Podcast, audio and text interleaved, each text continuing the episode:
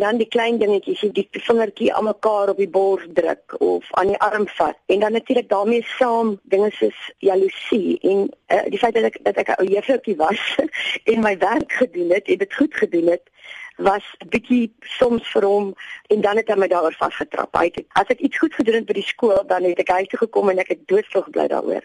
Wat ek weet is dat daaroor gepraat het of daaroor geryf het, dan was dit nag dit is naderhand heeltemal hande uitgeruk. Op watter manier het dit dan uitgeruk? Naderhand het dit goed geword soos toesluit in 'n kamer vir 'n hele dag. En en as hy daar as hy daar opsluit en ek is net 'n bietjie romantig da, dan word ek ontsettend. Jy weet, ek was flenters. Hulle het my kakebene al reggemaak. Hulle het my armspiere met hulle met laser reggemaak. Ek het my oordromme laat werk.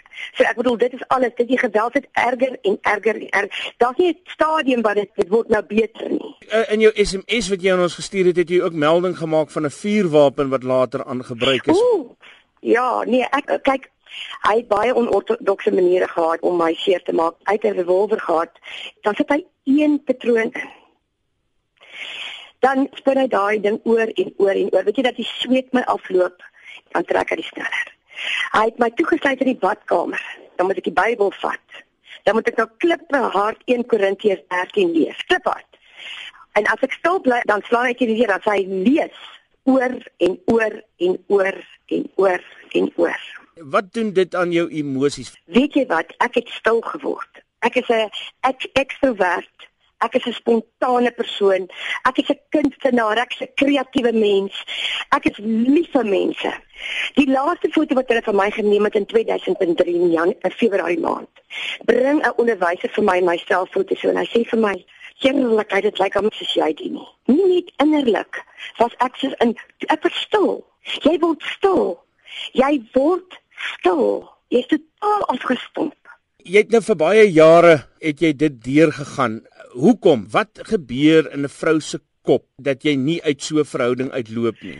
Vrees, vrees. Nommer 1, vrees. Kyk, laat ek vir jou sê, ek het twee keer probeer. Ek het 'n hof in dik gekry. Dit was dat hy van my af moet wegbly, maar alleenlik toe ek ek my kind van die buiteland af gekom het en ek het die eerste keer wat ek dit met my kind gedeel het ek het dit probeer. Ek uh, hulle het dit aan hom bestel en my seun was nie op die vliegtuig Amerika toe nie. Dis sê hy vir my, nou gaan ons tweetjies landrof kantoor toe ons gaan nou net eers bietjie hierdie interdikkie bietjie 'n bietjie tersyde stel. Dieselfde met die wapens.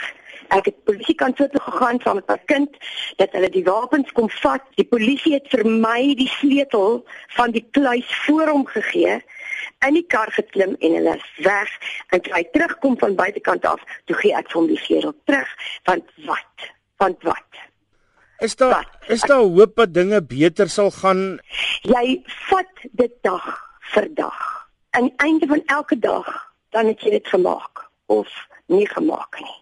In jou boodskap het jy ook vertel dat na jou man se dood is jy 'n bevryde mens. Wat het met jou gebeur daai oomblik wat jy besef jou man is nou dood in 'n hartaanval 12 jaar gelede? Uh, uh kyk dit is 'n skok. Dit was 'n verskriklike skok. En weet jy en toe toe begin die Marley wat musiek luister. En die Marley wat weer sien my glas is groen. En ek het weer tuintjie gewerk ek kon weer kreatief wees by my skool. Ek het soveel teruggekry. Baie meer as wat ek gehad het. Watter merk het die huwelik op jou emosionele lewe vandag gelaat?